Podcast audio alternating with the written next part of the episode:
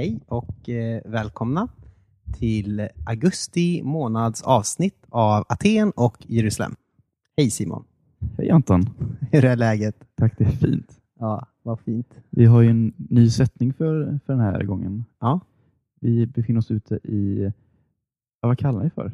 Eh, Tallstigskyrkan heter det i Finneröja. Eller om man är utan, utom socknes så heter det Finnerödja. Jajamän. Precis. Vi sitter här i, eh, uppe på estraden eh, och ovanför dopgraven. Eh, du sitter i en soffa, jag sitter i en fåtölj. Nu målar vi verkligen upp det här. Ja. Ehm, ja, exakt. Välkommen till augusti månads avsnitt. Och för den här månaden föll det sig som så att vi har pratat med, eller ska prata med, ni kommer få höra snart, med Emanuel Strand. Och eh, Vår bäste vän. vår bästa, bästa vän. väldigt bra vän. Det säger vi inte för att han är alldeles i närheten. Nej, nej, det här är helt enligt vad vi hade sagt annars. Emanuel är En fin, fin person. fin person. Och också eh, är han, eh, just nu är han eh, pappaledig tillsammans med sina två barn. Han har annars varit lite predikant och så i olika sammanhang. Ja. Mm. Det lät ju ospännande att presentera det sådär kanske. Jag vet inte. Ja, vi, han har läst tillsammans med oss på Örebro Missionsskola. Nu sitter vi här verkligen och tar cues från honom. Ja, precis. Ehm, ja. Du, en, sak eh, som jag tycker eh, som jag har tänkt lite grann på den här senaste tiden. Mhm. Det är ju att eh, du är ju en poddare i ett annat sammanhang också. Som jag upptäckte här om sistens. Vänta nu, är det? Ja. Du är Friska upp ett minne. Hisspodden. Oj! Ja, du har sett den? Ja, Hisspodden ja. Vad fint. Vad är Hisspodden? Det är väldigt mycket ett plojprojekt mellan mig och min vän Mattias Danielsson. ehm, som vi trotsar alla regler och har en podcast på Snapchat. Mm. Just för att det är kul att säga att man har en podcast på Snapchat och inget annat. Formatet passar ju verkligen inte alls. Man kan, man kan ju spela in 10 sekunders långa klipp som längst och eh, när det har setts en gång så försvinner det ut i intet sen. Mm. Så det är, det är en svårföljd podd. Är det. Men det finns på Instagram också. Ja, jo. det stämmer. Det stämmer. Vi brukar, Er bilderblogg. yes, vår, in, vår blogg på instagram.com så jag brukar säga. Det är väldigt mycket meta-humor över hela grejen. Ja, den är väldigt, väldigt fånig. Jag är, förvo- jag är väldigt förvånad över att du tar upp den. Ja, jag vet, men det är för att jag tänker att man vill ha mer, mer större bild av Simon Axelsson. Ja, jo det får man ju. Eh, det är fint. Kul. Ja. Eh, precis. Den här månaden har vi också haft lite, lite, det kommer nog kanske komma lite sent kan jag tänka mig, det här avsnittet. Och vi har haft eh, lite strul och så. Men eh, ni får ha överseende. Nej, men det kommer nog ut i tid. Det gör det. Då, vi, då kommer det komma i tid. Ja. Eh, nu kommer dagens... Eh, du, du, du, månadens minster. Den vignetten har du filat på. Den var väldigt mycket spur of the moment, som man säger. Säger du det? ja. Faktiskt. Men nu har vi alla hört den berömda vignetten och det är dags för månadens minster. Ja, precis. Jag kan börja då kanske. Eh, Gör du det? jo, eh, en sak som jag har eh, mynstrar lite nu över och jag irriterar mig på och som är en katastrof. eh, det är på något sätt hur vi är väldigt platonska i våra debatter inom kristenheten. Och med det menar jag att vi tycker att idéer och att tänka rätt är väldigt viktigt. Och kanske det går utöver att eh, göra rätt eller att leva rätt. Och En sak som man tänker på, det som man kanske kan kalla för eh, konservativ. Ibland kanske man kan dra till med ett sånt lite laddat ord som fundamentalistisk argumentation.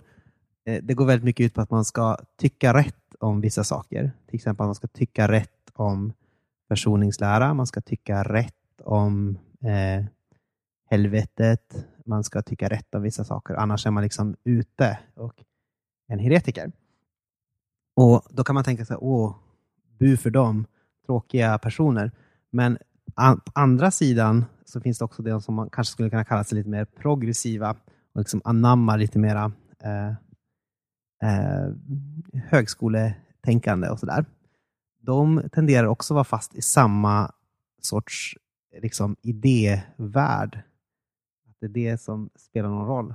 Eh, då är det liksom saker som, har jag rätt inställning till eh, patriarkatet? Är jag tillräckligt eh, radikal politiskt? Har jag de rätta åsikterna? Har jag en bra, en god analys och sådär? Och det är också väldigt mycket så att man ska inta rätt inställning till vissa begrepp och vissa ord.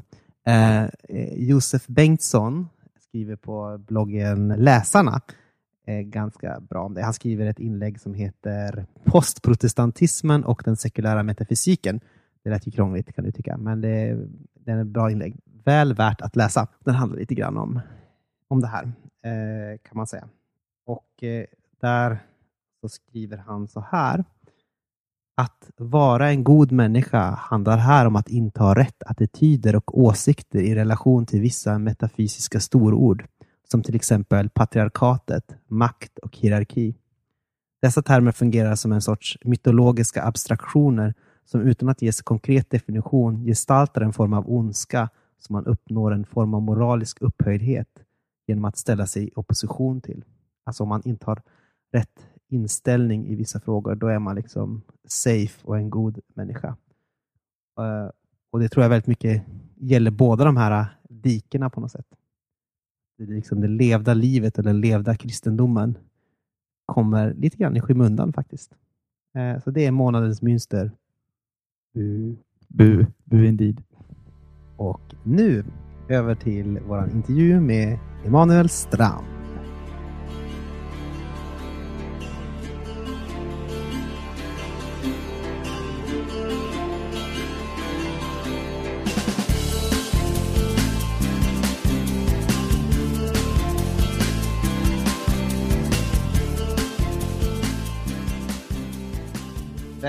Välkomna till Aten och Jerusalem.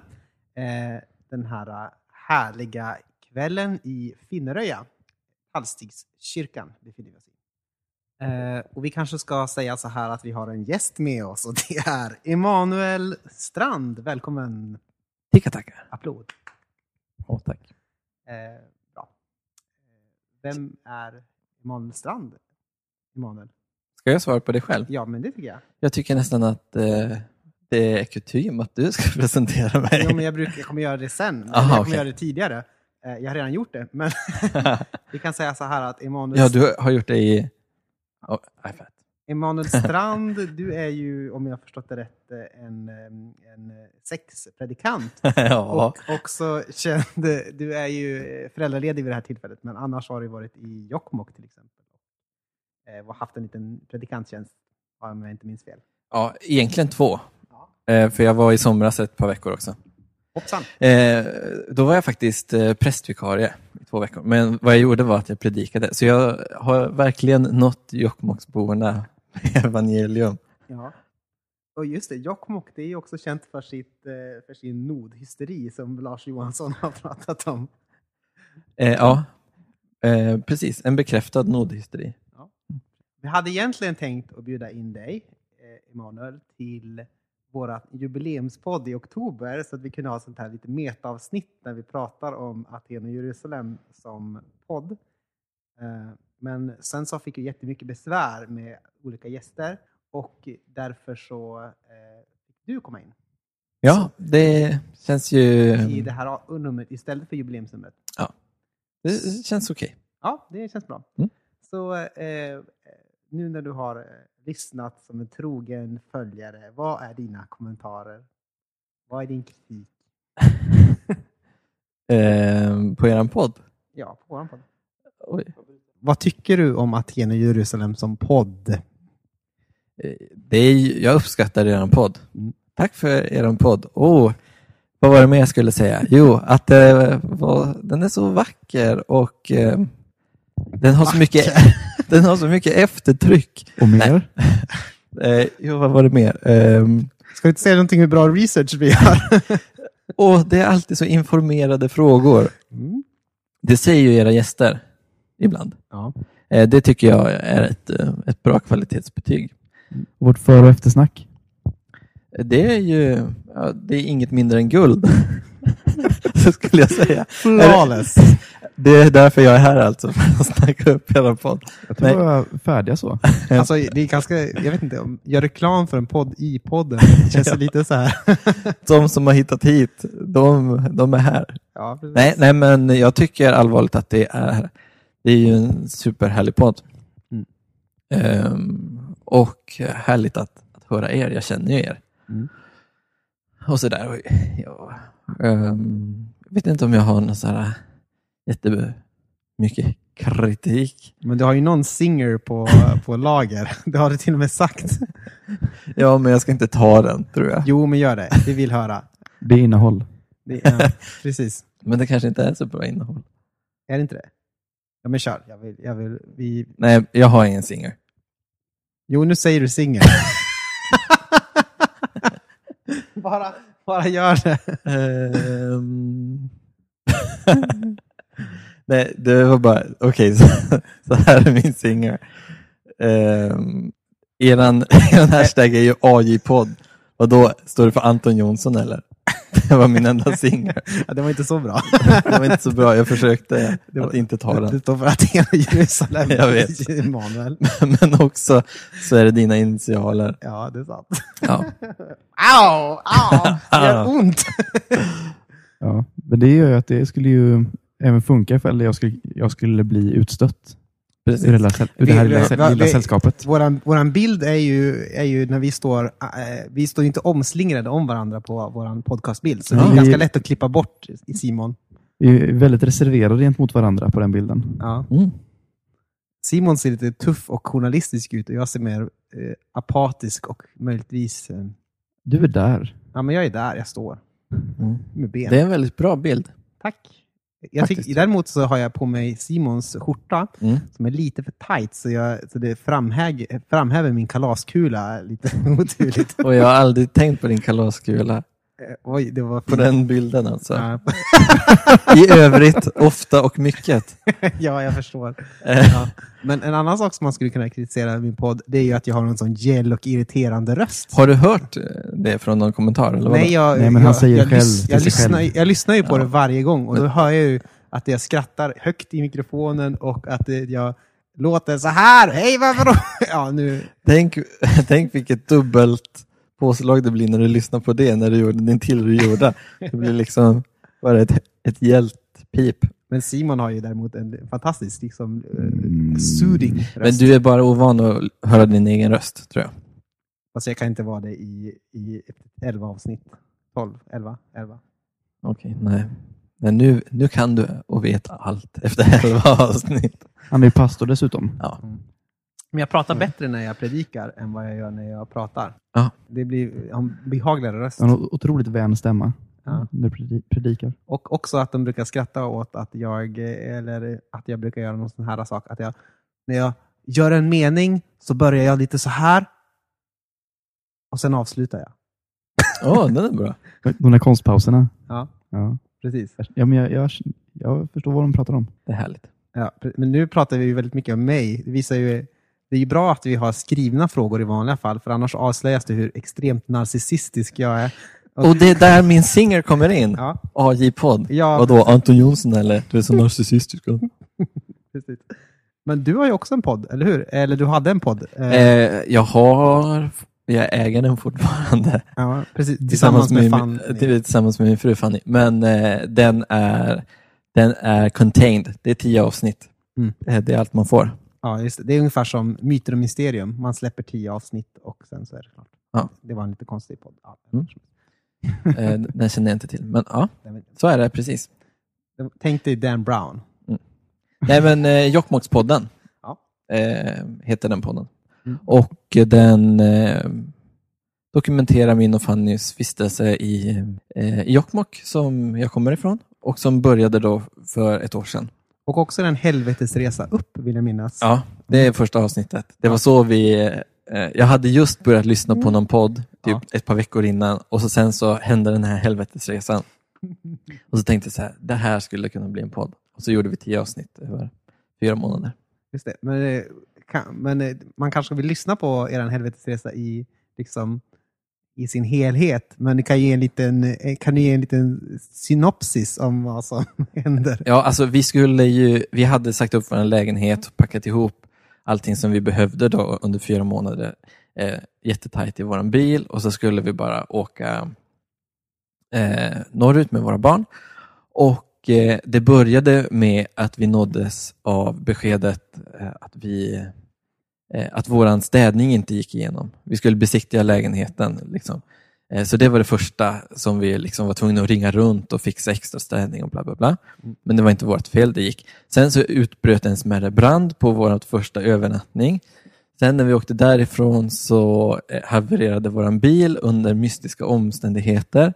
Eh, Det blev en... Var det Härnösand den gjorde? Det var, Nej, det var um, Gökböle mellan Sundsvall och eh, Hudiksvall. Ah. Och, ehm, Tråkigt ställe att fastna på också. Ja, eh, så vi blev bärgade in i Hudiksvall och så kostade det pengar och blev lite meck. Eh, Så det var mycket som inte gick enligt planen. Men det blev en bra historia av det. Det, var- det var en väldigt eh, rolig historia och ni var väldigt försenade. Ja, vi blev några dagar försenade på den där resan. Och sen så har vi ju så här, eran, eh, vad, hur var, eh, nu exotifierar vi Jokkmokk lite grann, men Ja, visst, det är ju det som alla gör ändå. Så du kan väl fortsätta med den. ja, precis. Ska- men hur, hur, hur var eh, livet där när ni levde under?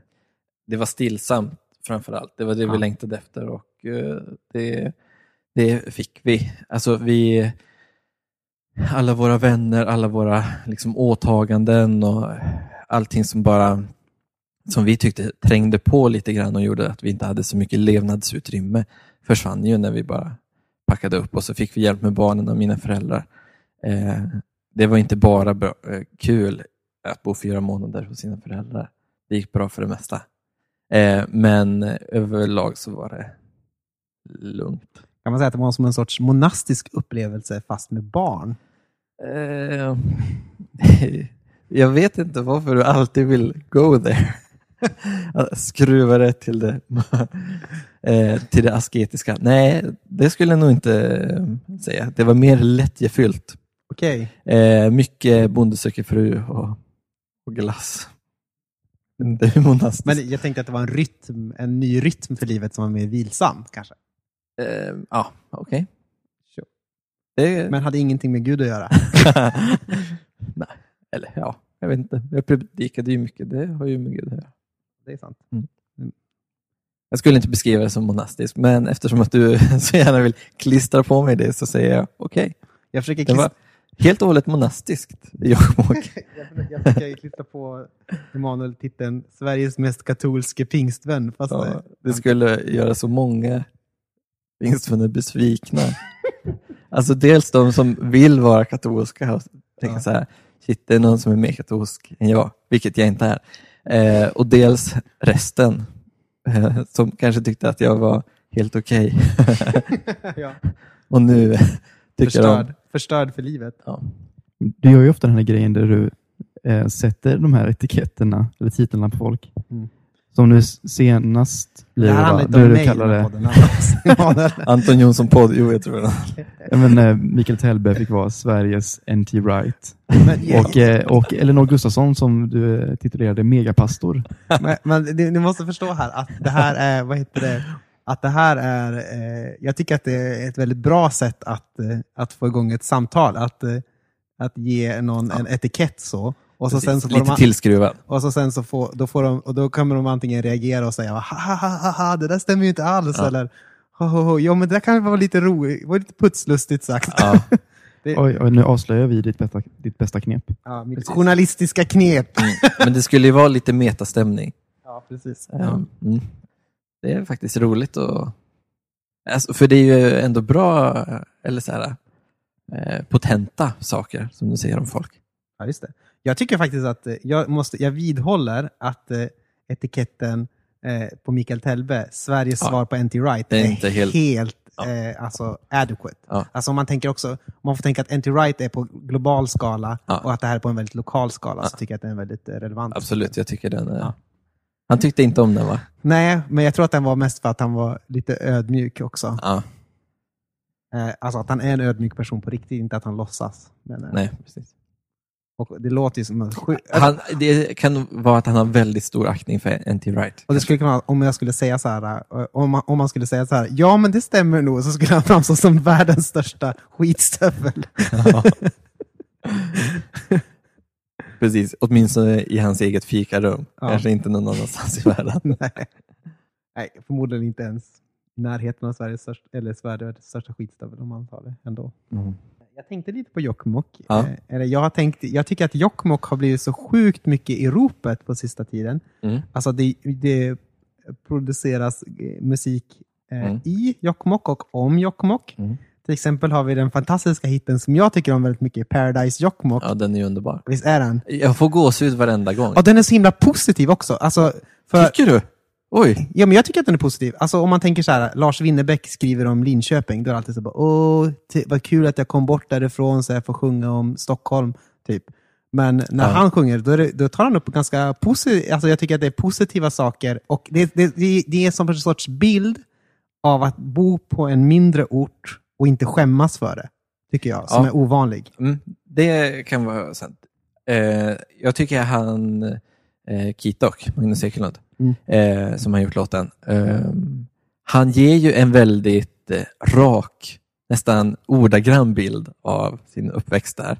Och det är så roligt när han typ namedroppar olika backar och eh, liksom hus som han åker förbi eftersom att det betyder någonting för mig som bor där, eh, eller har bott där. Men eh, eh, jag tänker nog, eh, och han ironiserar inte över det, Nej. eh, och de har ju, både han och Maxida Märak som är den andra, Ja. de har ju sin Jokkmokk repre- represent-roll. Ja. De vill representera Jokkmokk och liksom säga att det här är okej. Eh, men när jag hör den eh, så... ehm, Tänk till exempel på, på repliker som, det här är allt vi har. ja, precis. Sådana saker. Ja. Det här är eh, paradiset vid världens ände. Eh, det skulle kunna uppfattas som hyllande, men kanske mer om man inte kommer därifrån. Mm. Eh, men när man kommer därifrån och som jag som inte liksom bor kvar där, så känns det, kan det också kännas, alltså, det- det finns ett vemod i de replikerna. Det Mm. finns liksom någon slags, eh, Jokkmokk är vad det är, men det, det är inte skönmålande, tycker inte jag. Jag får ju lust att flytta till Jokkmokk när jag hör eh, låten. När de bombar avrättsbacken och Ja, sånt där. för, för jag tänker ofta på det, alltså, att den har ju nå någonting som jag tycker är ganska befriande, ett ganska sånt här, eh, ett ganska skönt typ, och, om man tänker nu för tiden så är väl en, en bild av ett lyckat liv ganska mycket att man flyttar till staden och att man gör eh, någonting av sig själv. Och så. Och om man bor kvar på en mindre ort, i exempelvis Norrlands eh, landsbygd, Mm. eh, inland, eh, då, är man, då är det ett förslösat liv. Mm. Och den här, och, eh, den här har en ganska skön så, antibild tycker jag just på den, att den säger det, det, liksom, det här är allt vi har, här stannar vi kvar och liksom Mm. eh, det är någon sorts här, väldigt mycket förnöjsamhetstematik i den och, och det tycker jag är lite Ja. eh, ganska befriande. Ja, det, det är befriande. Och samtidigt så bor han i Stockholm. Ja, det är sant. Och han, liksom, han, eh, han, han flyttade eh, från Jokkmokk eh, så fort han kunde. Och även om han har eh, hämtar saker därifrån så det säger ju också någonting. Vad säger det egentligen? Ja, det Om de som blir... Tycker inte ni att det kan verka som... exotifierande. Nej, men att det blir... Nej, inte så här, åh vad exotiskt de stannar kvar, utan lite så här, ja men eh, att det är lite tragiskt. Ja, kanske. Jag vet inte. Men jag tänker ju då, i så fall så är Maxida Merrick en mer eh, true representant. Ja, Hon bor ju där eh, och som jag har förstått det är ju del av en sameby Ja. och bedriver en väldigt aktiv kamp också för Jokkmokk, eller för ja, sitt folks eh, rättigheter kanske man kan säga. precis. Hon, eh, hon gör ju det. Och hon får ju leva ett väldigt slitigt turnéliv Mm. på grund av det. Det är, ett, det, För är, hon åker ner, upp och ner från det är någon sorts Stockholm eh, liksom hela tiden. uppoffring som man gör då kanske. För det är alltså, livet som musiker är ju inte hållbart bara runt Jokkmokk. Eh, Så det får man väl säga. Men ja, absolut, hon har ju en, en, ehm, en mer rotad stil där. Ehm, Vill du prata om hennes kamp någonting? Jag, tänker att det, jag tycker att det är intressant att det händer väldigt mycket. Om man tänker Jokkmokk Mm. så har det hänt väldigt mycket saker där som aldrig skulle kunna hända någon annanstans. Men för att det är i Jokkmokk eller i Norrlands inland så kan det hända. Och då tänker Ja. jag framförallt på att till exempel man bygger en ganska, eh, eller det var tänkt att man skulle bryta en ganska eh, vedervärdig eh, gruva som eh, ja, då skulle liksom inkräkta på en eh, samebys, du får rätta mig om jag har fel, Ja. en samebys liksom, eh, mark, område. Jag tror inte det är konsensus att det var en vedervärdig gruva. Men vi, vi säger att det är en vedervärdig gruva. Okej, ja.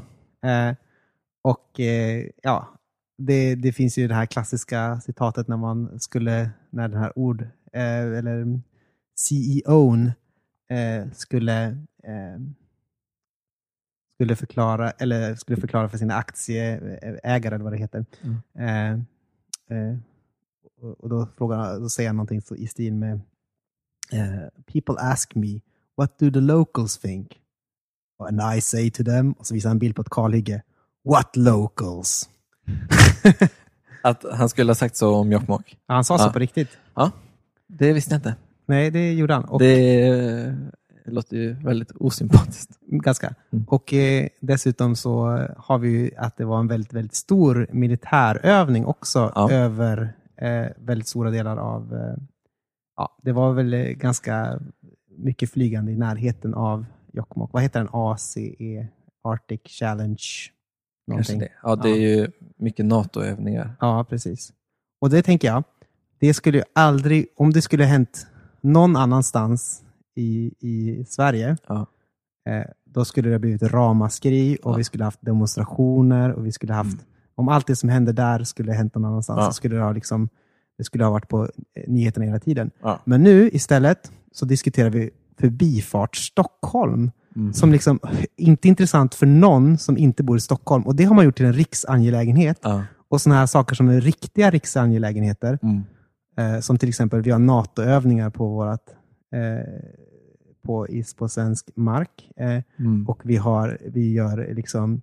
Eh, Också över en sameby, Ja, och gruv, eh, gruvdrift som eh, liksom, ganska miljövidrig, inte kommer ge några arbetstillfällen och dessutom, dessutom liksom, Alltså, nu känner jag nästan att jag borde gå i försvar. Ja. Eh, Du skruvar verkligen till det ehm, så att det inte att det inte borde vara något snack om saken. Mm. Och jag tycker att det är som, för jag bodde ju där under en tid och ehm, fick liksom uppleva, eller har fått doser av konflikten. Mm. Eh, och det som jag tror att många och fler och fler Mm. kommer fram till att det enda sättet är nog, alltså vi kan nog inte ha gruvan. Mm. Eh, men eh, det var, har ju aldrig varit enkelt. Alltså, jag förstår att det är en enkel sak för de som för de samerna, Maxida, Mark och eh, samerna Mm. som har mark och så. Men för det har ju verkligen delat bygden. ja, För det har ju inte framställts riktigt så, så här, "Åh, vill ni ha en vedervärdig gruva som kommer förorena all miljö och inte ge några jobb? Någon? Mm. Eh, utan men, det men, har ju varit en annan bild av vad det skulle innebära för men det tycker jag är lite problemet att på något sätt, alltså väldigt mycket bygger i Norrland på rå, mycket av den klassiska ekonomin i Norrland Mm. bygger på råvaruuttag, Mm. typ skogsindustri, eh, gruvor Malm. och sånt där. Ja. malmbrytning. Men grejen är att nu för tiden så ger inte det lika mycket längre för de lokala bygden som det an- angår. Mm. Dels måste man göra väldigt mycket infrastruktursatsningar det blir inte lika mycket jobb för det finns effektiviserade maskiner och sånt där. Och pengarna går ju inte, det är inte något lokalt bolag som driver utan det är ofta något, kanske något från eh, ett annat plats, Stockholm och så. Det betyder att liksom alla pengar och forslas det här ut. var ju ett utländskt bolag. Ja, ett utländskt bolag. Mm. Och, och alla pengar liksom forslas ut. Det finns inga som betalar skatt. Det är ingen i, i lokalt, eller ja, marginellt kanske man tjänar på det. Men jag tror att man till och med gjorde en uträkning i Jokkmokk och det var ju att det, var, det skulle bli en förlustaffär. Och eh, det är ju egentligen inte en det är ju inte kommunen som bestämmer ska vi gå in i den här affären. Utan minerallagen ser ut så att eh, den enda som har liksom veto är ju staten. Mm. Eh, så det har, vi, det har diskuterats mycket i Jokkmokk men som jag har förstått det så har inte Jokkmokk liksom kunnat säga Mm. eh, nej till det. Eh, utan det har bara varit någonting som man får förhålla sig till. Eh, och en annan del i, i det här är ju mineralavgiften Mm. som är supermega låg i Sverige. Mm. Jag tror, jag tyckte jag hörde att det var typ 0,2 procent som liksom ska tillbaka eh, in i landet och ehm, det, då bryter man ju i stort sett gratis. I andra länder kan det vara typ 25 procent eller någonting av det värdet på det som man tar upp som man måste betala tillbaka. Mm. Det är ju lite knasigt. Och det här får ju en att tänka. Eh, Det, får- det får dig att tänka. som andra, som, så här får Emanuel Strand att tänka. Ja. att man skulle kunna tänka sig att Norrland fungerar som en sorts koloni till övriga Sverige på det sättet att eh, man tar råvaror därifrån. Jag kommer också från, jag kommer från Norrland, i generellt, eh, Mm. från Övik. Eh, att man tar eh, råvaror därifrån Mm. och att, pengar, och att eh, liksom, vinsten för det går till eh, vad man ska säga, eh, det kolonialiserande eh, landet, som vi Mm. kan säga är södra Sverige lite, eh, lite generellt, Ja. Eh, om vi nu säger Norrland generellt. Mm. Eh, och att då liksom det fungerar som en sorts råvarubod och de som bor där tjänar egentligen inte så mycket på eh, den här affären, utan det fungerar som en koloni. Och så Mm. tycker man att norrlänningar är lite tröga och dumma i Mm. huvudet och så här lite charmigt knasiga. Ja, fast jag, tänker att eh, norrlänningar är väldigt väl omtyckta ändå, t- tänker jag. Inte att de är trygga i huvudet, utan så här, åh, de är så lugna och förtroendeingivande. De skulle aldrig lura en. Men det är samma sak med typ, Eller? men det är samma sak med typ kanske jag kan tänka mig att britterna sa samma sak om indierna. Men de är så Ja. mysiga och Jo, duktiga och sådär. Men jag hörde en historia, det var eh, någon från Jokkmokk eh, som hade åkt eh, fast när han var nere på semester i Göteborg eller någonting för fortkörning. Eller så hade han inte sitt körkort eller någonting. Och då bredde han på med sin värsta norrländska och då fick han åka. För liksom det bara osade trovärdighet och charm och liksom eh, oförarglighet. Eh, nej, nej, men jag kan ändå hålla med dig lite om den här, det är lite eh, en kolonibild man, eh, man har av Norrland. Eh, inte minst till hur man refererar till Norrland. Mm. Eh, om vi, det kanske är en jättehemsk jämförelse, ursäkta i sådana fall. Men när det kommer till Afrika så säger man ju fortfarande väldigt mycket Afrika eh, och liksom tar inte hänsyn till vilket land det är eller sådär, vilket område av Afrika alltid, Mm. utan man bara så klumpar ihop det Afrika. Eh, och så är det ju lite med Norrland. Mm. Vi var ju på bröllop jag och Simon eh, härom sistens. De gifte sig med varandra, grattis. Nej, Nej vi bara eh, var gäster. Och då inledningsspexet var att en duktig person på att eh, imitera eh, olika dialekter skulle göra olika dialekter. Och då var ju liksom, ja men det var göteborgska, Närke, eh, Skåne och så drog hon till med en stereotyp norrländska. Mm. Eh, och jag bara, så här, ja vart bor de där? Eh, och bara, mm, hela Norrland. Och Jag bara, ja men skulle det inte vara lite fräscht om man hade en specifik norrländska? Det, kunde vi inte ha lite bodenska eller någonting? Ja. Eh, eller typ så här, Skelleftemål är ju riktigt fult. Kan vi inte liksom ta den? Men det är bara så här, Eller allting är samma. För den delen Sundsvall. Precis. Och överlag så vet man ju väldigt lite.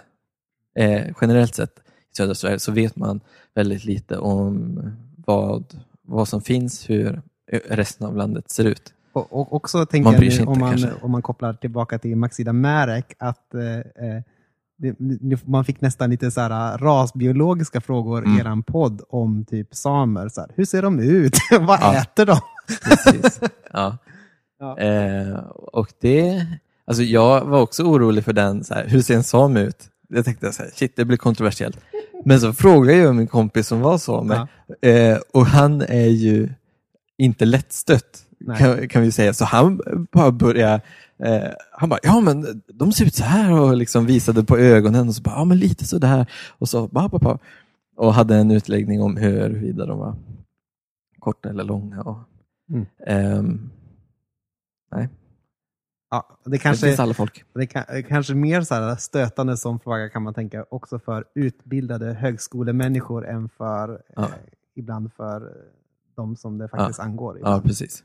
Sen så finns det ju såklart undantag. Man ska Ja. inte vara, hålla på vara så i onödan. Nej.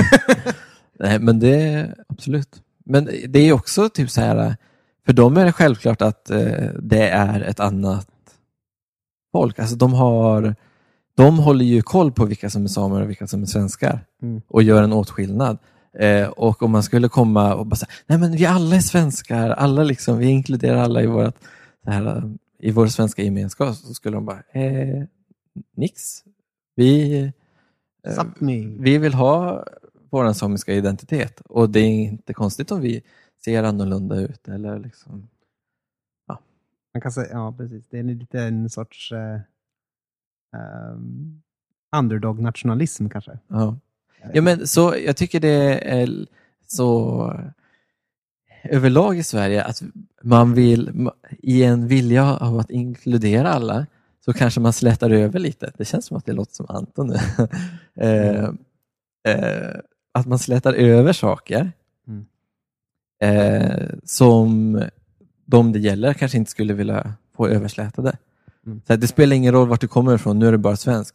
Och invandraren kanske känner, eh, vänta det där Men, men, vill jag inte. men samma sak kan man ju känna också, jag, jag, om jag gör en liten koppling. Ja. Eh, eh, man kan säga samma sak när det är typ såna ekumeniska Ja, samtal. precis. Det var därför jag tänkte att jag Och- lät som du. För Och, så. och, om, man, om man till exempel säger så här, ja, men, vi är alla döpta i samma vatten och vi har ju alla samma dop. Och så bara, nej men alltså, vi tänker lite olika om dopen Ja. då. Och det kanske vi borde respektera och inte liksom bara trycka in alla i Ja. likadana facket. Precis. Oj, nu kom vi in på teologi. ja, var är Gud i Norrland någonstans? Var är Gud i Jokkmokk? Um, Klippgatan 8. Okej, där bor han. Ja, det är kapellet. Det är inte en hand, det är Jokkmokk. Jokkmokks frikyrkoförsamling. precis. Bra. Eh, var bor Jesus? Jesus bor i källaren. Och den heliga ande? På På vinden. vinden. Ja. Oh, I should have known. Nej, men alltså, en sak som kan vara lite intressant är hur kan församlingar i eh, frikyrko, klassiska frikyrkoförsamlingar som de är uppbyggda, kan de överleva i, i Norrland, tror du? Eller i, Norrland, i Norrlands inland? kanske? Ehm, Jag vet inte. Nej. Ehm, Jag eh, besöker inte så många fler än den som var min hemförsamling. Mm. Eh, vad jag kan säga generellt om den församlingen är att när jag eh, växte upp där så var den väldigt, ehm, den var liksom uppbyggd kring starka barnfamiljer. Eh, liksom medelålders par med en barnskara som höll på att växa upp. Vi var liksom tio ungdomar på en församling med 50 pers, eh, rätt många. Eh, och vi hade liksom en gemenskap. Och eh, sen så åkte jag bort några år och så kom jag tillbaka och upptäckte att eh, det som jag hade upplevt som att men det är ganska fasta ramar. Eh, vi vet vilka som är med i församlingen, vi vet vilka som inte är med. Det var så jag upplevde det i alla fall. Mm. Eh, det kanske inte var helt så, men det såg jag inte i alla fall. Eh, men då när jag kom upp så var, ehm, och det var också de familjerna som skötte allting. Men nu var det en mycket porösare gemenskap. Eh, Mm. Där folk från bygden som, det är eh, inte helt uttalat deras, hur deras tro såg ut eller hur deras kristna eh, liksom, engagemang egentligen var. Men de var med. De tycker om att sitta med i gudstjänsten. De sjunger med i kören. Eh, och de liksom, när man frågar om, någon, om vi ska be för någonting så räcker de upp handen. Eh, och eh, det var liksom en uppsjö av after work och tacokvällar bara följde på varann. Och det var liksom hundra pers. Eh, och alla ville äta tacos i kyrkan. typ. Musikcafé och sådär. Eh, Det låter väldigt eh, schysst på något sätt. det låter lite schysst. Eh, och samtidigt finns det den här den här frikyrko eh, gnagandet så här. Men när ska de bli frälsta då? Eller hur vet vi när det är? Och när kommer Mm. avgörandet? Ska vi bara lalla omkring här? Och- ett problem är också att tanken på den klassiska frikyrkotanken är att de troende, Precis. troendes gemenskap, Ja. alltså att man går samman, de troende och beslutar om de Ja. troendes angelägenheter. Precis. Och det blir lite svårare när det är som porös. Det blir Precis. sån här- Och det är också ehm, blir också svårt att driva allting. För så här, ja, men vi har mycket verksamhet som är öppen för alla, men de här som kommer och käkar tacos, de vill ju bara komma och äta tacos. Det är inte som att de nödvändigtvis vill stå och laga. Mm. Eh, och ehm, så och jag vet inte, det är min, min ögonblicksbild som svar på din fråga. Eh, jag vet inte om det verkar kanske vara en väg framåt. Mm. Alltså i, när barnfamiljerna, när barnen blir stora så flyttar de hemifrån eh, till någon större ort. Eh, och eh, liksom nu fanns det typ ingen ungdom under 20. Eh, nu var liksom de som var 35-40 eh, ungdomar. Mm. Eh, och ehm, poröst ungdomsbegrepp också. Ja, vi fick i uppdrag att starta en ungdomsgrupp för dem. Jag och Fanny och vi var by far yngst, med tio år kanske. Yngst och så bara, ja okej, vi kan starta en ungdomsgrupp, det blir bra. Den klassiska eh, missional church-frågan är ju What is God up to in your neighborhood? Ehm, I det neighborhoodet, nu bor du i Örebro. ja, nej men jag vet inte. Eh, förut så kanske det var... Det, det är förut som en Thomas-fråga. Ja. Herre, var går du? Ja, du vet inte. Ehm, förut så var det alltid en utmaning. Så här, ja, men hur, bara folk kan känna sig bekväma i kyrkan Mm. Så då har man nästan vunnit. Eh, och nu får man in dem i kyrkan, men eh, vad händer sen? Och jag kan tänka att det kanske är eh, en, en längtan som driver dem. Men jag har, har svårt att... Alltså, ja, men jag tänkte ändå lite så här missionellt och tänkte så här, men man kanske inte behöver ha den här bekännelsen som någon slags inträdeskrav Mhm.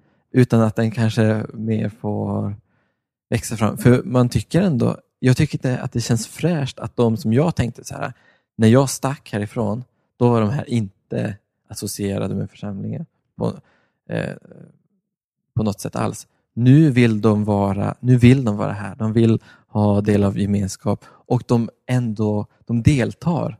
De sjunger starkast i liksom segertonerna. Eh, och de är inte passiva på så sätt. Mm. De sitter inte längst bak och konsumerar, utan det är liksom det finns någon typ av äkthet. Och ett av de starkaste eh, ögonblicken, det var inte när vi bodde där, utan när jag var och hälsade på och predika innan, så eh, var det min gamla lågstadielärare. Eh, och hon, eh, jag hade predikat eh, om någonting, eh, om något med, jag antar att det var om förlåtelse eller försoning, bla bla bla. Eh, och hon eh, ställde sig upp i slutet när min pappa som ledde mötet frågade vad ska vi be för? Och hon så här, kan vi be att eh, det här med gruvan, för hon upplevde det som så splittrande. För det var mycket näthat och det var liksom så här grupper hit och dit på Facebook. Eh, och folk, alltså familjer blev osams och eh, barn liksom fick komma i kläm och sådär. Och hon jobbar som lärare då. Och hon bara så här, eh, kan vi be att, ehm, att vi eh, typ så här, ja, men så här, kan förlåta varandra eller så här, att vi kan försonas med varandra i någonting som verkligen så här, delar hela bygden. det tyckte jag var, det var den bästa tillämpningen på min predikan som jag kunde komma på. Jag hade aldrig kunnat liksom komma på det själv, men hon bara tog den situationen som alla var så medvetna om, men som ingen i församlingen skulle eh, liksom våga säga någonting om. För det är lite, så här, eh, det är lite känsligt, det kanske vi inte ska säga så mycket om. Men hon bara så här, det, eh, hon sa ju inte så för hon hade inte det ordspråk, eller det, de orden, men det var som så här, eh, jag har nöd för den här bygden som jag bor i eh, och det är Gud som kan, som är, ehm, eh, som är den framkomliga vägen i den här eh, så polariserade frågan. Om, vi, om det ska finnas ett liv efter gruvkonflikten, om liksom det som har splittrats ska kunna försonas, då måste vi be om det. Eh, och då tänkte jag så här, här eh, är, är det den helige Ande som talar genom henne, eh, inte de inbitna eh, gammelkristna, utan den som kanske bara var där för att jag skulle predika och hon hade haft mig i skolan. Eh, det kanske är där eh, Gud är. Just det. Där är han up to in your Ja. neighborhood. Där, det där är konstig mening. Ja, men jag förstår. Förstår du vad jag menar? Absolut. Ja. Jättefint vittnesbörd från Norrland. Förlåt, det här, Nej, den här podden ska ju vara så mycket mer teoretisk. men nej, det var, alltså, det här var det finaste vi varit med om typ. Nej, Den eh, vad jag menar var att Det nu ska vi en- abstrahera det Det här. finns en dialektik mellan två stycken kontrahenter. Eh, det finns ju då ena sidan de... Och jag sa inte träd- tillräckligt mycket att jag känner, så var det för mig. Ja. jag menar att allt det här var så bara för mig. Nej, jag skojar. Allt det här vi sa var underhållningssyfte. Eh, det är en sån sak som jag bär med mig. Mm. Eh, och eh, Jag vet inte om det var direkt svar på din fråga, men jag kategoriserar det i mitt huvud under liksom, missional church. Gud opererar där vi inte kanske tror att han gör det. Och han liksom talar genom galningars och dibarns munnar. Du ser att din gamla, ba, din Nej, gamla nej, lärare nej. är antingen ett dibarn eller en galning. Nej, Nej. förstås inte. Alls inte. Eh, Men det är spännande med Jokkmokk, eh, att, för det finns en sån närhet. eh, För jag predikade då när jag sommarjobbade och när jag jobbade, hade min vanliga pastor, eller predikanttjänst, ett par gånger i Svenska kyrkan. Då kunde ju komma lite vilka folk som helst. Inte de som man tänker, ja, men det här är de kristna churchgoers. Mm. Ehm, och eh, någon gång så var det våran ba, eller så här, ba, BVC-sköterska, barnavårdscentralssköterska. Eh, så satt hon med där under predikan och så sen så när jag kom in med Kerstin eller Tryggve och skulle ha någon så här någon kontroll, Tryggve måste det ha varit, åtta månaders kontroll. Så bara, åh, det var så fin predikan och så började hon kommentera min predikan på vårdcentralen. Och det är ju eh, härligt att ha den närheten till, till folket. Eh, Får jag abstrahera lite ja, här? ja, Om, man kan man tänka sig att det är så att eh, i till exempel om man är i Örebro, ja, då finns det ingen anledning att gå till eh, kyrkan om man inte är kristen. För att eh, alltså det finns mycket bättre underhållning. Eh, om, man, om, Okej. om man vill gå och göra någonting tillsammans, då kan man kanske eh, då kan man göra någonting annat på en söndag. ja. Men i Jokkmokk kan jag tänka mig att väldigt mycket är stängt på en söndag kanske. Att man, eh, jag vet inte. Mm. Det kanske finns ett annan öppning då för att det är Mm. någon sorts avskalning av... Ja, jag tror att det är mer snarare då eh, att, liksom, att det lever kvar någon slags folkkristendom eh, kristendom Okej. som gör att det inte Även om det inte påverkar mitt liv supermycket, eller åtminstone inte så medvetet, eh, så finns det ändå någon slags tro på Gud som lite segare hänger sig kvar. Eller åtminstone en vana att gå till kyrkan. Eh, Och det är också både a blessing and a curse om man är frikyrka på något sätt. Ja, precis.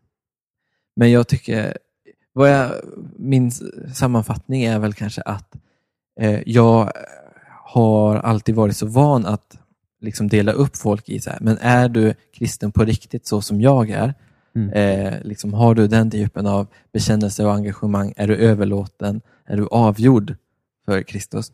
Eh, men i flera av de situationer som jag har mött där uppe så är det en irrelevant fråga.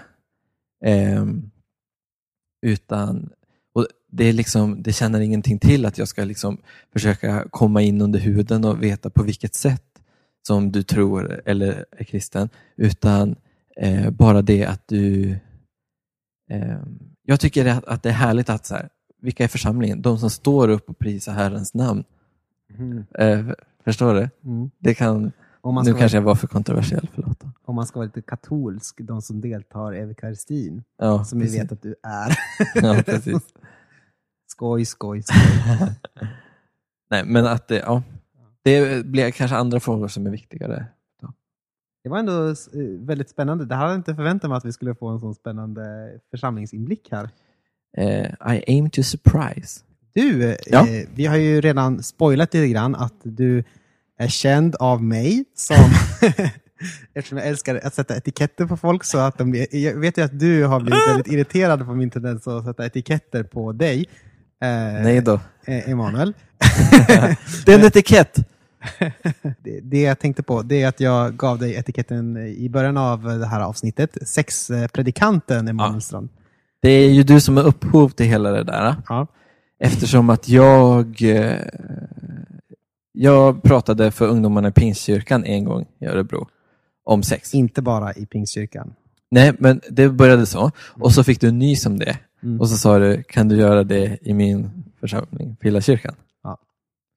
Eh, och två gånger, då, då är det ett epitet for life. Då är det Sex. etablerat. Men- men- eh, pastorn Men det är inte helt rättvist att säga att eh, det här inte är någonting som intresserar dig heller kanske. Det intresserar mig, absolut. Och till exempel så har du skrivit eh, din C-uppsats om preventivmedel, en ganska obehandlad fråga i dagens läge. Mm, I-. I frikyrkan, ja. Du har ju en ganska ro, in, eh, du har en liten intressant analys av hur det går till i amerikanska filmer när man har sex. ja. Berätta. Eh, alltså, när man har sex. Ja. Eh, det här är ju för att illustrera ett, alltså det grundläggande teologiska problemet som jag ser det. Då. Mm. Eh, att den reproduktiva sidan av sexualiteten, Alltså att skaffa barn. ja, the baby making få pro- barn. process, eh, och njutningen, eh, det erotiska, det flåsiga, Mm. eh, är helt och hållet separ- separerat. Och jag tror att det är så man uppfattar det. Och med, man kan mena, eh, alltså själva samlaget kan betyda båda, men inte samtidigt. Det är det ena eller det andra. Och det tycker jag eh, i nästan all västerländsk pop, eh, populärkultur Mm. så avspeglas det genom att eh, det i de allra flesta sexscener inte finns eh, med på kartan. Eh, att det skulle kunna vara någon reproduktiv eh, konsekvens av det hela. Och när, förutom eh, när folk ska skaffa barn. Och då är all njutning som bortblåst. Då är det omständigt och awkward. Eh, tjejen ligger liksom i knasiga positioner med benen så högst upp, så högt upp som möjligt för att eh, liksom gynna fertiliseringsprocessen. Eh, så säger man inte på svenska, men skitsamma. Eh, och ehm, det är alltid liksom någon slags comical eh, relief av det hela. Så, Oj, vad tokigt, nu ska de få barn. Eh, all, all naturlig liksom ehm, eh, samspel är borta. Det är bara så knasigt och det är massa eh, props, alltså massa rekvisita istället. Mm. Utan vi ska ha våra eh, typ ägglossningstest och bla bla bla och så måste jag skynda iväg eh, två sekunder efteråt och sådär. Och, och, eh, precis, det finns ju en sån scen i vad heter den? Klassfesten, tror jag, en gammal komedi. Då- är det en svensk ja, rulle? Precis. Ja. Då, har han, då har han ju ett väldigt stelt förhållande med sin fru, han har ett barn. Ja. Så, eh, han träffar, det, det går kort ut på att han skiljer sig från sin fru Aha. och run away with the lo- love of his life Ja. som han gick i skolan med. Mm. Eh, och eh, då, de har ju väldigt passionerat sex. Här. Och när han är med sin fru så säger hon typ så här, ska vi skaffa barn kanske? Ett till syskon? Vi har ju pratat om att vi borde ha ett syskon till. Så bara, ja visst. Eh, och så bara, nej men ta inte av mig Ta inte, Ja. ta inte av mig tröjan, det blir för kallt. Och Mm. jag... Låt oss bara få det här överstökat. Ja. Var inte så kladdig eller något sånt där. Typ. Mm. Eh, ja. Och det, det kan man ju hålla utkik för om man lyssnar på det här. så Titta och se om det stämmer. Men jag tycker att det stämmer rätt så bra. Och det menar jag säger någonting om hur vi har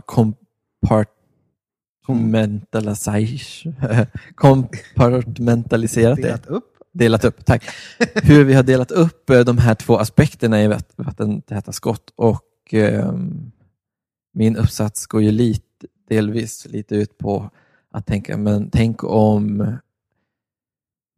Eh, för då, min argumentation är ju lite att det faller tillbaka på en slags dualism mellan kropp och själ där liksom kroppen är liksom ond i sig såvida inte den kan eh, ge, mig, ge mina sinnen njutning till exempel. Då. Mm.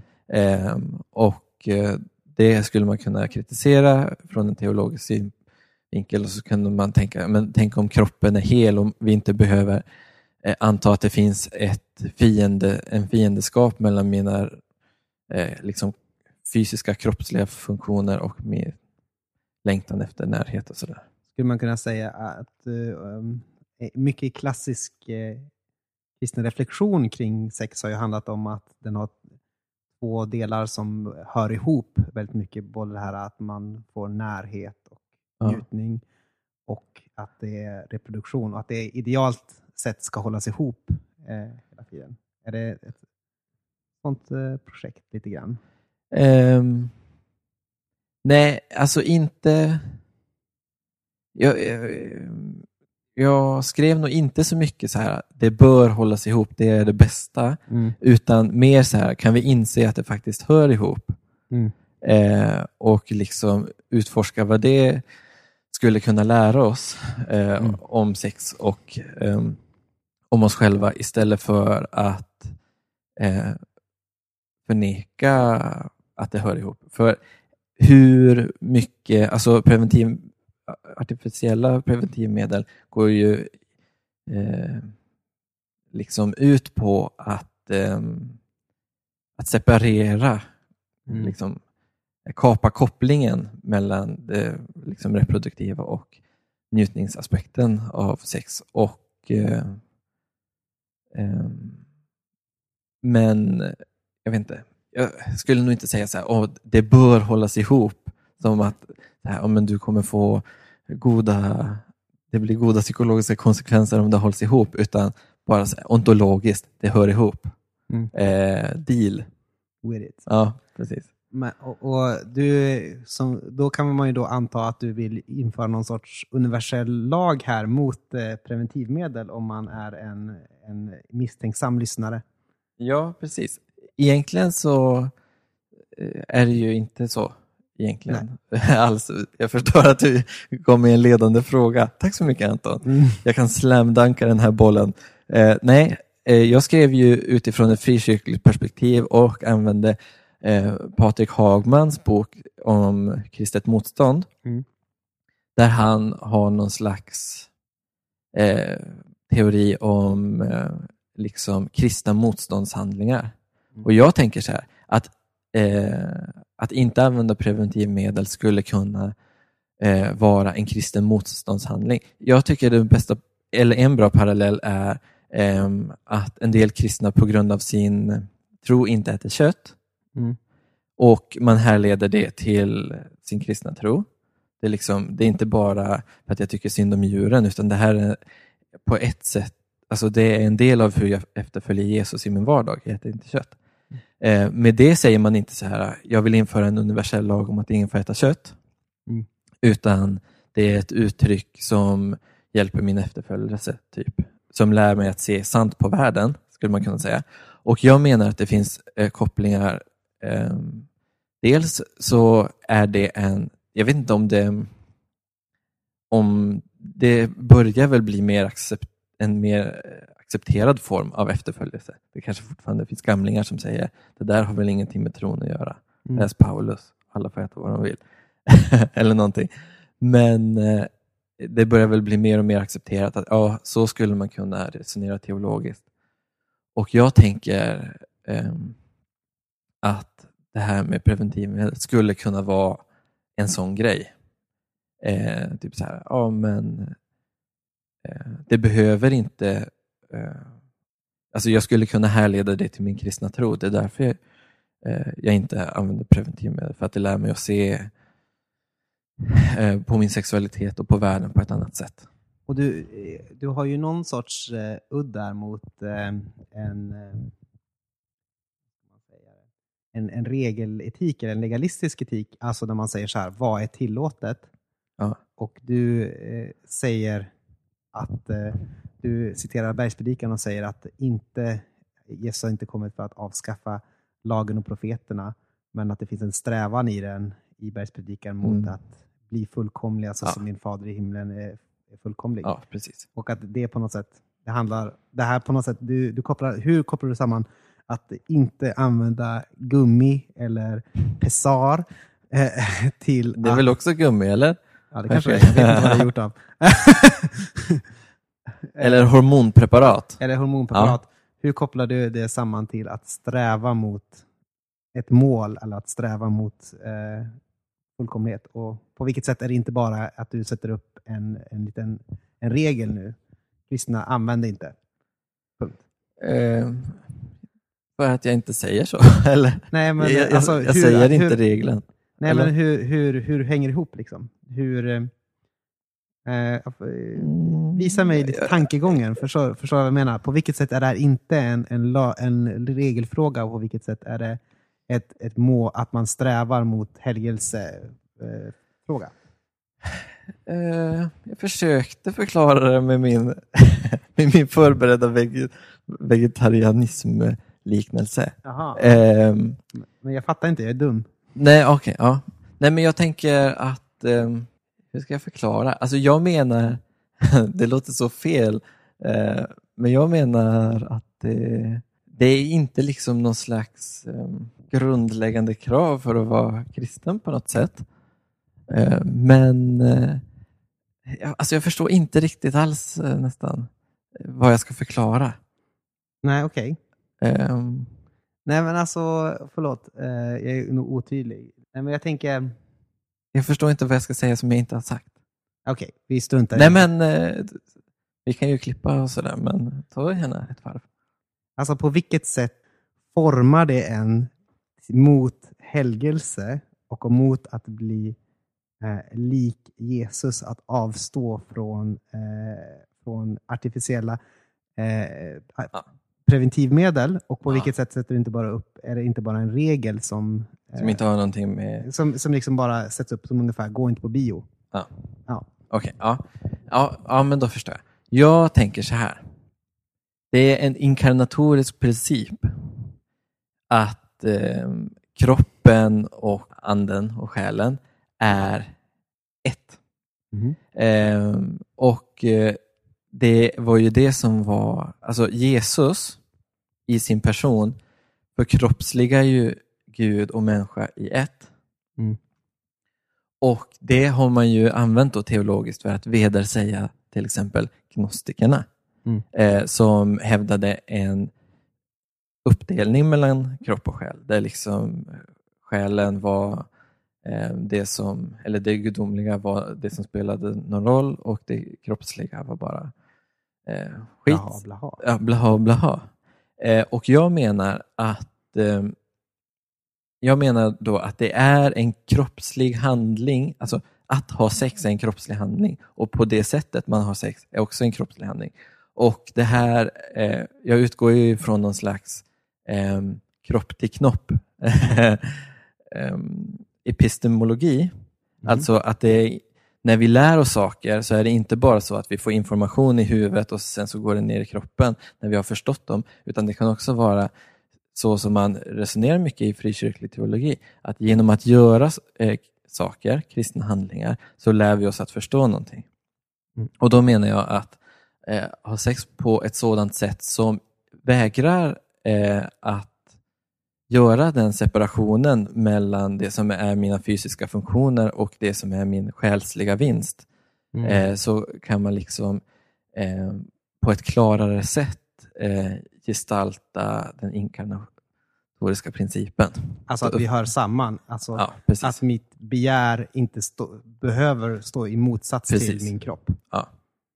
Eh, och Precis, och det är inte självklart om det står en konflikt mellan ditt begär och din kropp, eller ja, hur det nu är, eh, så är det inte självklart vilken som ska vinna. Nej. Utan det skulle man kunna fundera lite på. Eh, nu är det ju alltid begäret som vinner. Man har ju också en, en, men man kan ju tänka att en social aspekt är väl det här att eh, du, när vi har som mest lust Ja, att ha sex, Ja. Ja. den här tycker du om va? Ja. När, vi har som mest, har, när vi har som mest lust att Ja. ha sex, då eh, är vi också som mest liksom eh, aroused, vi är som mest eh, kåta. Eh, eh, kan man säga, i alla fall när det kommer till kvinnor och så. Nu sa du när vi har som mest lust att ha sex är vi som mest kåta och det låter som en, Ja, förlåt, det var en tautologi. Ja. Vad heter det? Nej, nej, jag menar så här. När vi, när vi, en som mest fertila. när vi är som mest fertila Ja. så är vi så mest eh, uppeggade Ja. och vill ha varandra. Ja, vi kvinnor, ja. Och, och, Jag vet vi- inte om jag, det gäller, jag, men- jag, jag ingår i kvinnor. Ja, nej, nej det, vi är väl ganska fertila hela tiden. Ja, jag tror inte att det... Ja, jag är så dålig på kropp. Jag är mest intresserad av tankar. Eh, eh, hur som helst, eh, mi, mi, var var jag på väg någonstans? Jo, Ja. och då kan man tänka sig att fine om man vill ha 25 barn, eh, Ja. men rent socialt Ja. så har, lever vi i ett samhälle där det är väldigt svårt att ha 25 barn. Ja. Och då måste vi alltså, om vi inte ska använda preventivmedel, ha sex eh, där eh, kvinnan då Ja. är som minst eh, eh, tänd av lusta. Just det. Och då kan man tänka sig, ja men det låter väl lite oskönt, eh, oskönt och lite kvinno, liksom, Ja, otre- precis. otrevligt mot kvinnor. Ja, jag förstår. Och det, det kan man ju tycka. Och igen så säger jag bara så här, ja, deal med det. Eh, det är inte jag som har hittat på det. Det är så vi är skapta. Och man kan fundera, eh, är det då samhället eller något annat som är förtryckande? Mhm. Eh, Eller, det är inte kroppen som är förtryckande. Nej, precis. Jag tycker att det är konstigt att säga så här, men kroppen är så idiotiskt skapad så eh, att vi är som mest kåta när vi absolut inte får ha sex, alltså när vi kan ha, få barn. Mm. Eh, nu måste vi ändra på kroppen. Det tycker jag har, ger eh, en kroppsförtryckande liksom, syn på kroppen. Eh, att den måste foga sig under våra lustar och begär. Eh, och jag tänker så här, men det kanske finns något annat i den här ekvationen som vi tar för givet som man skulle kunna förändra på. Kanske det eh, är så att man inte dör av att ha fler än två barn, Mm. eller ett. Eh, är ju den första frågan. Det skulle man kunna fundera kring. Och den andra är ju att eh, en bieffekt av typ eh, de flesta preventivmedel är, you know it, sänkt sexlust. Eh, och, eh, men det, är liksom, det kan man stå ut med. Eh, alltså till exempel ett, ett hormonpreventivmedel som förtrycker eh, ägglossningen. Mm. Eh, det är ju så de funkar, Mm. om jag inte är helt... Eh, E-maila gärna in till ajpodd.gmail.com eh, om ni- Aten och Jerusalem. Okej, ja, förlåt. Jag skulle ava er adress. Ja, Aten och Jerusalem gmail.com om jag är helt fel. Eh, då får Anton och Simon ta den. Och då kanske man också tappar den här, eller det hör man ju många säga så här, men, ja fine jag kan gå på p-piller men jag eh, har inte lika stor sexlust då. Är det kvinnoförtryckande då? Eh, och på något sätt så tänker man, nej men då har jag valt det själv. Mm. Eh, typ. Och eh, jag vet inte. Eh, jag tycker inte... Jag känner inte så här buhu buhu. Mhm. Eh, oj vad synd det är. Eh, för jag tycker inte att det är något fel på kroppen som den är. Just det. Och då, det kanske är jätteförtryckande men ja, Du, du, du, du håller ihop lust och kroppsfunktion helt enkelt. och jag, alltså det är ju och det är ju återigen en sån där grej. Varför inte populärkulturen skulle kunna spegla det. Det borde ju vara tvärtom. Eh, att när folk ska skaffa barn, då är hon extra fertil och har extra mycket lust. Då blir det härligare Mm. i sängen istället för tråkigare. Och när alla eh, går på liksom, preventivmedel och har kondomer i vägen eh, så blir det inte lika härligt och då bara så här, du behöver inte ta av. Jag tänker på så här, jag tänker på så här grå filter över och Ja. så, så liksom rulla på lite så här Ja. förstrött. Har det bara lust överst. egentligen. Ja, precis. Eh, men det handlar ju också om att liksom sälja en bild av vad, vad sex är och hur det ska vara. Och det går ju, det finns ju väldigt mycket att säga om det. Men eh, att jag, du sa, jag vet inte om du sa det, att jag har två barn och ett tredje på väg. ja, jag tror jag sa det. Ja. Och jag kan ju tycka att det är ju inte... The end of the world as we know it. Nej, ja, det stämmer. men Jag tänker att det är inte tråkigare att ha sex när man ska is about to få barn. Nej. Just det, vad bra. Mm. Då har vi någonting att se fram emot. Eh, jag tänkte på Patrik Hagman. Ja, Patrik Hagman Patrik. har sk- skrivit om, eh, om det här med, eh, med lust Jaha. och eh, lusta Mm. som dödssynden. Då. Att, att en av anledningarna, tolkar han i sin kontext, till att man inte ska ha massor med sex utanför äktenskapet och liksom vara promiskuös, det är för att när man har sex, då är det ungefär som att man spelar rysk roulette. Och, eh, eh, men, och det liksom finns en, en viss chans för, för död. Eh, men men liksom vapnet är alltid riktat mot kvinnan. Så. Och om man då tänker att man kan dö i, i, i Ah, okej. komplikationer vid Ah. förlossningen. Är det här någon slags historisk... det här är en historisk läsning. Då. Ja, Och att, så var det förut ja. att en anledning till det är ju för att ja, men liksom, det finns, en, det finns en, en, en ändå överhängande risk att man, Ja. att man dör. Så därför Och skulle måste, man göra en illegal abort så kan man dö av det också. Ja. Mm. Eh, eh, ja, eh, och, och då är liksom poängen att, att eh, det här, med, därför ska man inte gå omkring och vara promiskuös och ha massor med sex utanför äktenskapet. Mhm. Så. Men då kan man tänka så här, och hurra, hurra, nu har vi preventivmedel Ja, och det gör att, vi, att eh, man inte behöver ha ett eh, pistol riktad mot Ja, sitt huvud precis. hela tiden ja. eh, om man är kvinna. Ja. Låter inte det som en väldigt bra och befriande sak? Eh, jo, och det, det gör det ju uppenbarligen för många. Mm. Ehm, många tycker ju att det, eller det ses ju som en, en självklarhet att det ska vara så. Men eh, det beror ju på lite vem man, eh, vem man riktar sig till. Mm. Eh, om du skulle liksom gå här i din församling och försöka sälja in preventivmedel med motivationen man kan leva ett promiskuöst liv. Eh, bra va? Ja. Så skulle folk tänka så här, ja men eh, det vill vi inte göra. Mm. Och det är ju det lite jag är ute efter. Jag försöker ju inte skapa en universell eh, liksom lag som, för det är också en, en pla med det universalistiska liksom, et- etikområdet, att då ska det gälla alla och det ska vara uppenbart för alla att se. Eh, och det tänker jag, det är ju uppenbarligen inte uppenbart för alla. Mm. Eh, att det finns en väg bortom preventivmedlen. Men vad jag menar är att om man ser på det hela eh, utifrån en kristen synvinkel och inte så här, hur ska jag kunna ha så mycket sex som möjligt utan att det ska kosta mig något? Typ Utan- Barney Stinson. Vad sa du? Ja. Barney Stinson. Ja. Utan istället så här, hur ska jag kunna leva så sant eh, som möjligt i min efterföljelse? Eh, och ha det liksom som en riktning för hela mitt liv.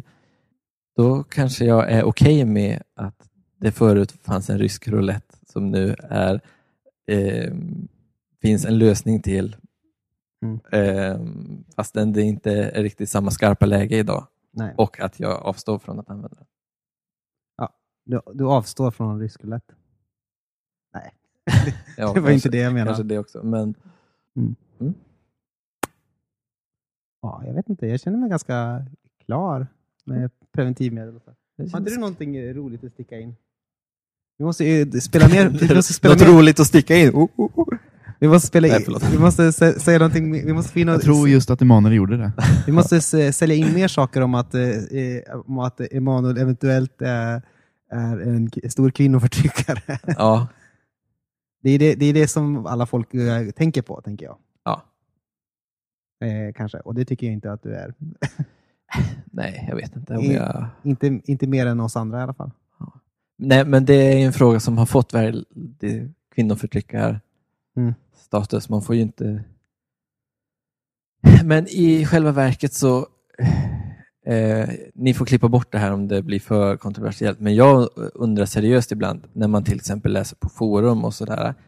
Det är få kvinnor som jublar över preventivmedel Mm. eh, och liksom tycker att oh, men det här är ju supergöttigt. Eh, det är ju kanske mer männen som eh, liksom It's a man's world alltså. Ja, men lite sådär. Och, eh, det, är ju, det fa- fanns ju ett eh, Gotlandsuppror Mm. om här, det måste finnas ett bättre preventivmedel för kvinnor än p-piller. För p-piller suger, vi, bo, vi mår illa av det, vi får dålig sexlust, vi får ont i huvudet, bla bla bla. Eh, och liksom, deras eh, take var ju att det måste finnas något bättre, nu gör vi uppror. Eh, det måste finnas ett, bättre sätt. Men eh, man översäljer ju preventivmedel ibland som någon slags jättehärlig frälsning som typ fördubblar njutningen gånger hundra och liksom är någon slags mirakelmedel. Men det är ju det är bieffekter och eh, eh, jag tror om de allra flesta hade kunnat se en möjlighet att slippa dem så hade man gjort det. Mm.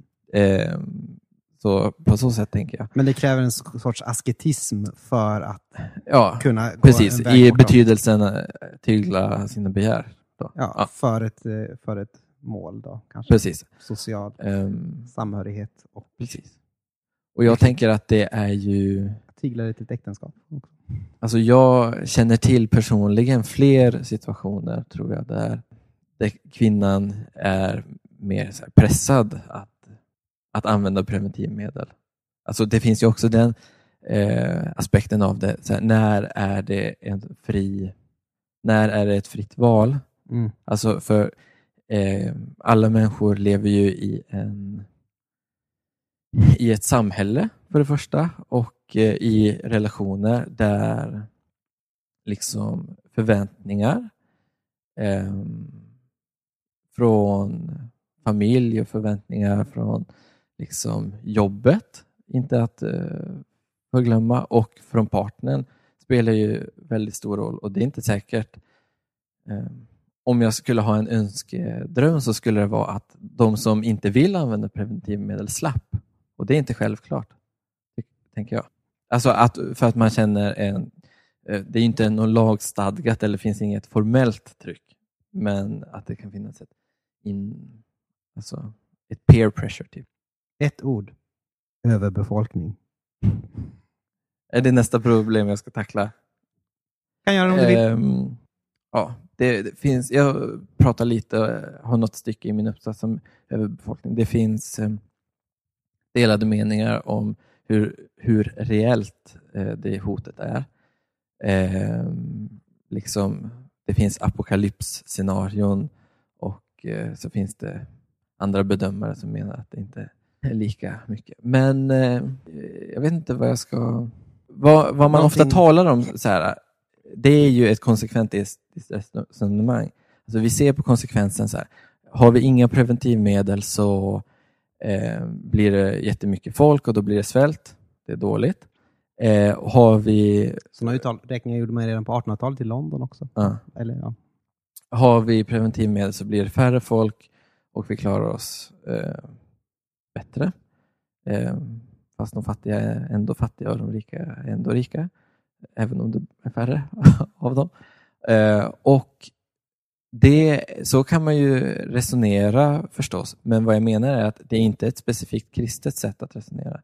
Alltså Jesus kommer inte in i den verklighetsbeskrivningen. Eh, Det finns ingen det finns ingen räddning förutom den, liksom, den strikt empiriska. Det finns ingen transcendens, om du förstår vad jag menar. Mm. Eh, och eh, jag, jag skulle inte lägga någon tid överhuvudtaget att liksom gå i clinch med en konsekvensetiker om varför han borde, eller varför anonyma personer i tredje borde använda preventivmedel eller inte. Utan jag riktar ju mig till en svensk frikyrklig kontext. Mm. Eh, där överbefolkningen icke är ett problem överhuvudtaget. Det Vi måste, vi måste en- helt enkelt ha mer sex för att kunna finnas kvar, ja, kan vi säga. ja, det precis. Vi måste ha mer sex och evangelisera mer. ja, precis. Ehm, och jag tänker att ehm, låter som så här, Levi Petrus eh, predikan, typ sex och evangelisation. Eller någonting 1955 höll han det. Refereras till fortfarande. Ja. Eh, så det handlar ju om att liksom kolla på vem, vem är mottagaren till det här och vad, vad är det som driver den mottagaren. Eh, men jag kan tänka också, on a side note, så kan man också reflektera över, jag vet inte, eh, över vad ett liv är värt. För det känns som, så här, om det kommer ett barn eh, till världen i tredje världen och får ett fattigt eh, liv på grund av en hungerkatastrof så eh, är liksom helt oförblommerat gängse uppfattning att det är bättre för det barnet att inte ha fötts. Det är ju det man säger när man liksom inför preventivmedel som alternativ. Eh, och liksom så här, det, barnet får ett hårt liv, kanske dör ungt. Eh, det vore bättre om du inte hade fötts.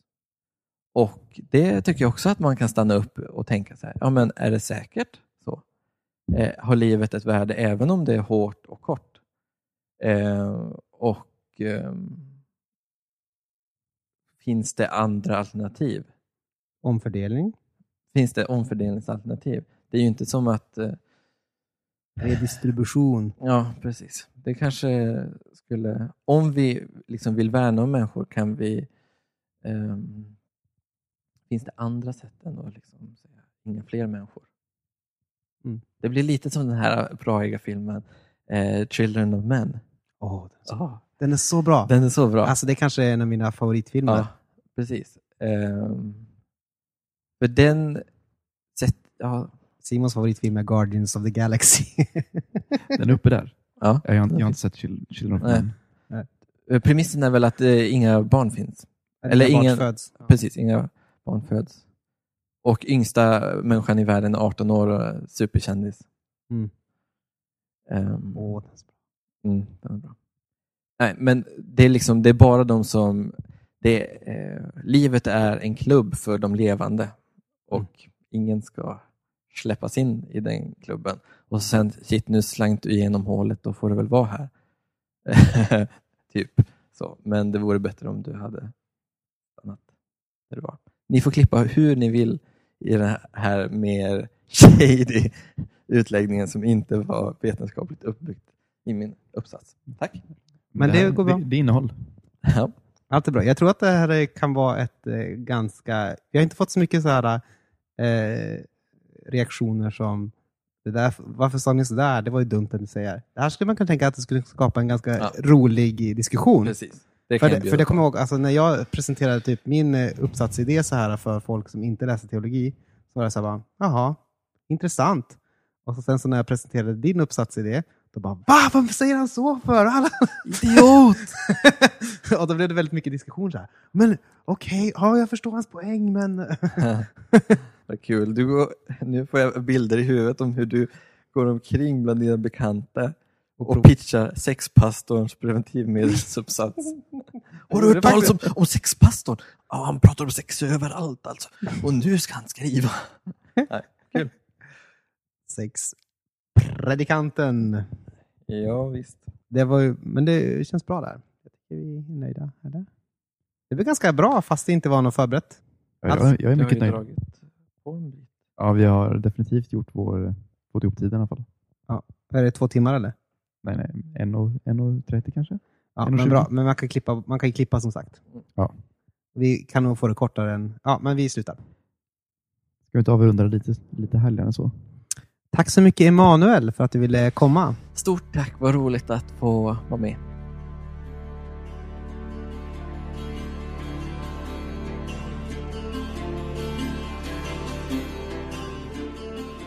Anton, alltså, vi har ju glömt en grej och det är inte egentligen vilken grej som helst. Utan det är ju någonting som vid det här laget bo- borde vara rätt etablerat Ja, i det här sammanhangen. verkligen. Jag tror du vet vad jag tänker på. Standardfrågorna. Exakt. Frågorna som vi ställer varje gång. Så vi har eh, knuffat tillbaka Emanuel i soffan här Välkommen tillbaka. Tackar. och frågar således Emanuel Strand. Vem är Jesus? Oh, vad jag har funderat på vad jag ska svara på den här frågan innan, eh, när jag bara har lyssnat på era podd. Jag bara, åh, vad skulle jag svara? Eh, och jag... Eh, eh, det finns ju så mycket att säga och bla bla bla, klyschor hit och dit. Ha, ha, ha. Jag har mitt svar i alla fall. Jesus är den som dömer mig. Och det är hoppfullt och eh, eh uppfordrande eller utmanande. Allt jämt på samma gång. Vill du utveckla lite? Det kändes eh, spännande. Ehm, att när tiden tar slut så kommer Jesus att döma mig. Eh, och det kan man ha som en tröst.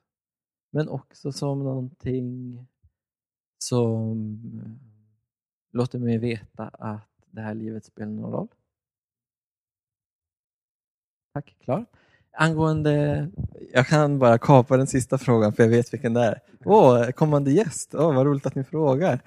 Eh, jag tror att efter det första avsnittet, när jag hade lyssnat eh, på ert första avsnitt och när jag satt där med Jokkmokkspodden och var så gruvligt eh, avundsjuk på att ni kom upp i så höga t- lyssnarsiffror mycket snabbare än Jokkmokkspodden. Vi hade typ fyra avsnitt, ni bara så här, ett avsnitt så bara gick ni om och här, de har tusen lyssningar redan, vad gör vi Fanny?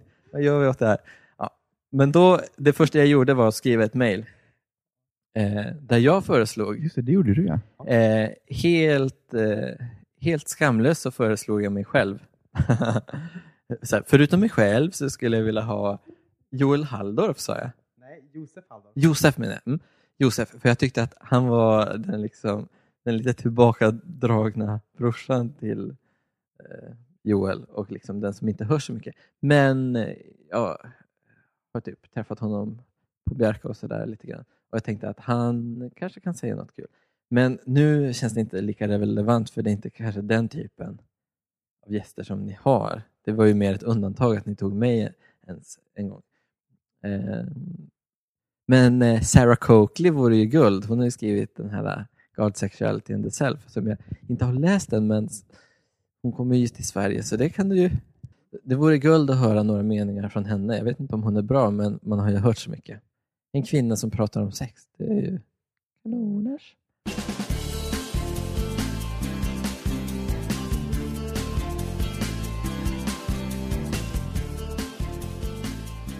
Sådär. Hej och välkomna till eh, eftersnacket. Ehm, nu hörs Anton och jag här över Skype. Ny dag, men eh, jag är fortfarande förkyld. Och... Jag är också förkyld. Är det så? Ja, det är så, tyvärr. Jag, jag var på en lågstadieskola idag och eh, kanske smittade ner hela, hela lågstadiet. Det kan ju mycket väl ha gått runt och runt också bara. ja, det kan det ha gjort. Det är som en evig kretslopp. Alltså, jag tror alla är förkylda på skolor överlag. Jag tror det händer mycket nu när skolor börjar. Gick man inte omkring och var förkyld typ hela skol, grundskoletiden? ja, men förmodligen. Det var bara ett brus av snor och jag vet inte vad. Alla är täppta och har lock i öronen. Och... ja, jag kommer ihåg att de... Ja, ah, förlåt, nu ska vi inte prata. Vi går vidare. Eh, Ehm, Ja, det här var ju ett, eh, ett lite annorlunda samtal, eller hur Simon? ja, eller just för att det var just ett samtal då. Annars brukar det vara lite mer i formen av en intervju, eller vi Mm. försöker i alla fall. Men eh, så det var kul. Åka iväg och ses och spela in. När man ser varandra igen. Ja, men precis. Ja, det, det var trevligt. Och det var ju också totally unscripted, som det kanske heter i Hollywood. Alltså, det, var, det fanns ingen... Det fanns, inget, eh, det fanns inga föreskrivna, föreskrivna frågor. Så vi hoppas att det gick och det, det gick nog ganska bra att lyssna på. Är det här ett sätt att kanske avsäga sig allt ansvar? Ja, men alltså det kan vara så. Det kan ju vara så att något faktafel smög sig in någonstans. Det är, det är inte omöjligt. Nej, det kan ha hänt. Kan Men eh, visst hade du lite tips på vad man skulle Ja. kun, eventuellt kunna få dessa sägningar och siffror och vad det kan vara. Rätt. Ja, ehm, jag skulle vilja rekommendera en annan eh, podcast. Eller, eh, ja, det skulle jag vilja göra. Mm. För det första så skulle jag vilja rekommendera eh, Eh, en podd som heter Norrlandspodden. Om man vill lyssna på lite mer på det här med kolonialisering av eh, Norrland och eh, ja, lite norrländska förhållanden överhuvudtaget och kanske särskilt från, från Jokkmokk. Det finns två avsnitt där som är av speciellt intresse och den, är, e- den ena heter ju Från Jokkmokk där till exempel eh, eh, Max Sidan, rapparen, eh, deltar. Mm. Och Okej. så finns det en annan som heter eh, Kolonialiseringen av Norrland eller något sånt där. Ja. Eh, det är typ avsnitt två eller så av den podden. De är ganska relevanta för det vi pratar om. om man vill få lite mer fullödig bild och höra spännande historier och så från folk som är mer pålästa. Så det är ett tips. Mm. Norr, Norrlandspodden. Norrlandspodden. Och så kan man också lyssna på eh, Jokkmokkspodden så tar de upp lite av de här frågorna som till exempel jag ställde Ja. till eh, dem i något avsnitt. Jag kommer inte ihåg, men det kan ni kolla upp också. Fråga Emanuel. Ja, det var ju som sagt podden med Emanuel och Fanny Strand Ja, precis, precis. som de gjorde under de fyra månader de var i Jokkmokk. precis. Och så, ja, jag vet inte. Det, jag kan tänka mig att det här, det här med preventivmedel skulle kunna starta en del eh, diskussioner också möjligtvis. Kanske första gången som det är någonting som vi säger startar någon form av diskussion. Vi får väl se. ja, vi får se. Det, vi lägger ingen press på proffstyckarna ja, där ute. Som till, exempel, som till exempel vi kanske också ingår i. Jag vet inte. Nej, vi har, vi inte betalt för det. Ja, vi tycker bara. Tyckare. Det är amatörtyckare. Ja, väldigt mycket så. Apropå poddar Mm. så eh, var det inte helt utan förskräckelse. I- När vi i morse klev in på redaktionen så var det, möttes vi av eh, febriga ögon och så, eh, eh, rådvilla ansiktsuttryck faktiskt. Jag tror vi alla vet vad det är som är på gång att hända. Ja. Läsarpodden. Läsarepodden, heter det så? Läsarpodden.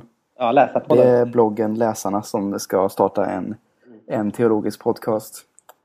Mm. Jag vet att du i alla fall har uttryckt lite oro för att den här podden kommer och lappar över. Ja, Den här. första. Nu hittade jag på att vi hade en redaktion, det har vi inte. Men, men eh, den, de som finns, det är ju jag och Simon. Ja. Och det ska det mäta sig med teologins superstar Patrik Hagman och den tillika eh, nästan eh, lika mycket superstaren eh, Superstaren, det låter, eh, visst är staren fisk? Ah, ja. Eh, Joel Halldorf. Så, så eh, vi vill bara uppmuntra er att även om ni börjar lyssna på den så får ni gärna vara kvar och lyssna på Aten och Jerusalem. Det behöver inte vara ett antingen eller. Ja, Få sådana här pitty-lyssningar. ja precis. Ja, men vi kan väl försöka ge dem en chans till nu när det finns bättre killar i stan. Men hur som helst.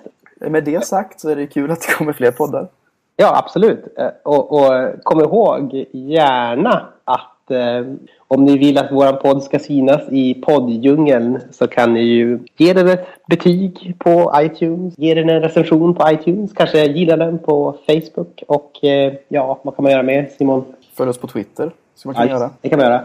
Eh, Det går också bra. Över- Överhuvudtaget tipsa om podden.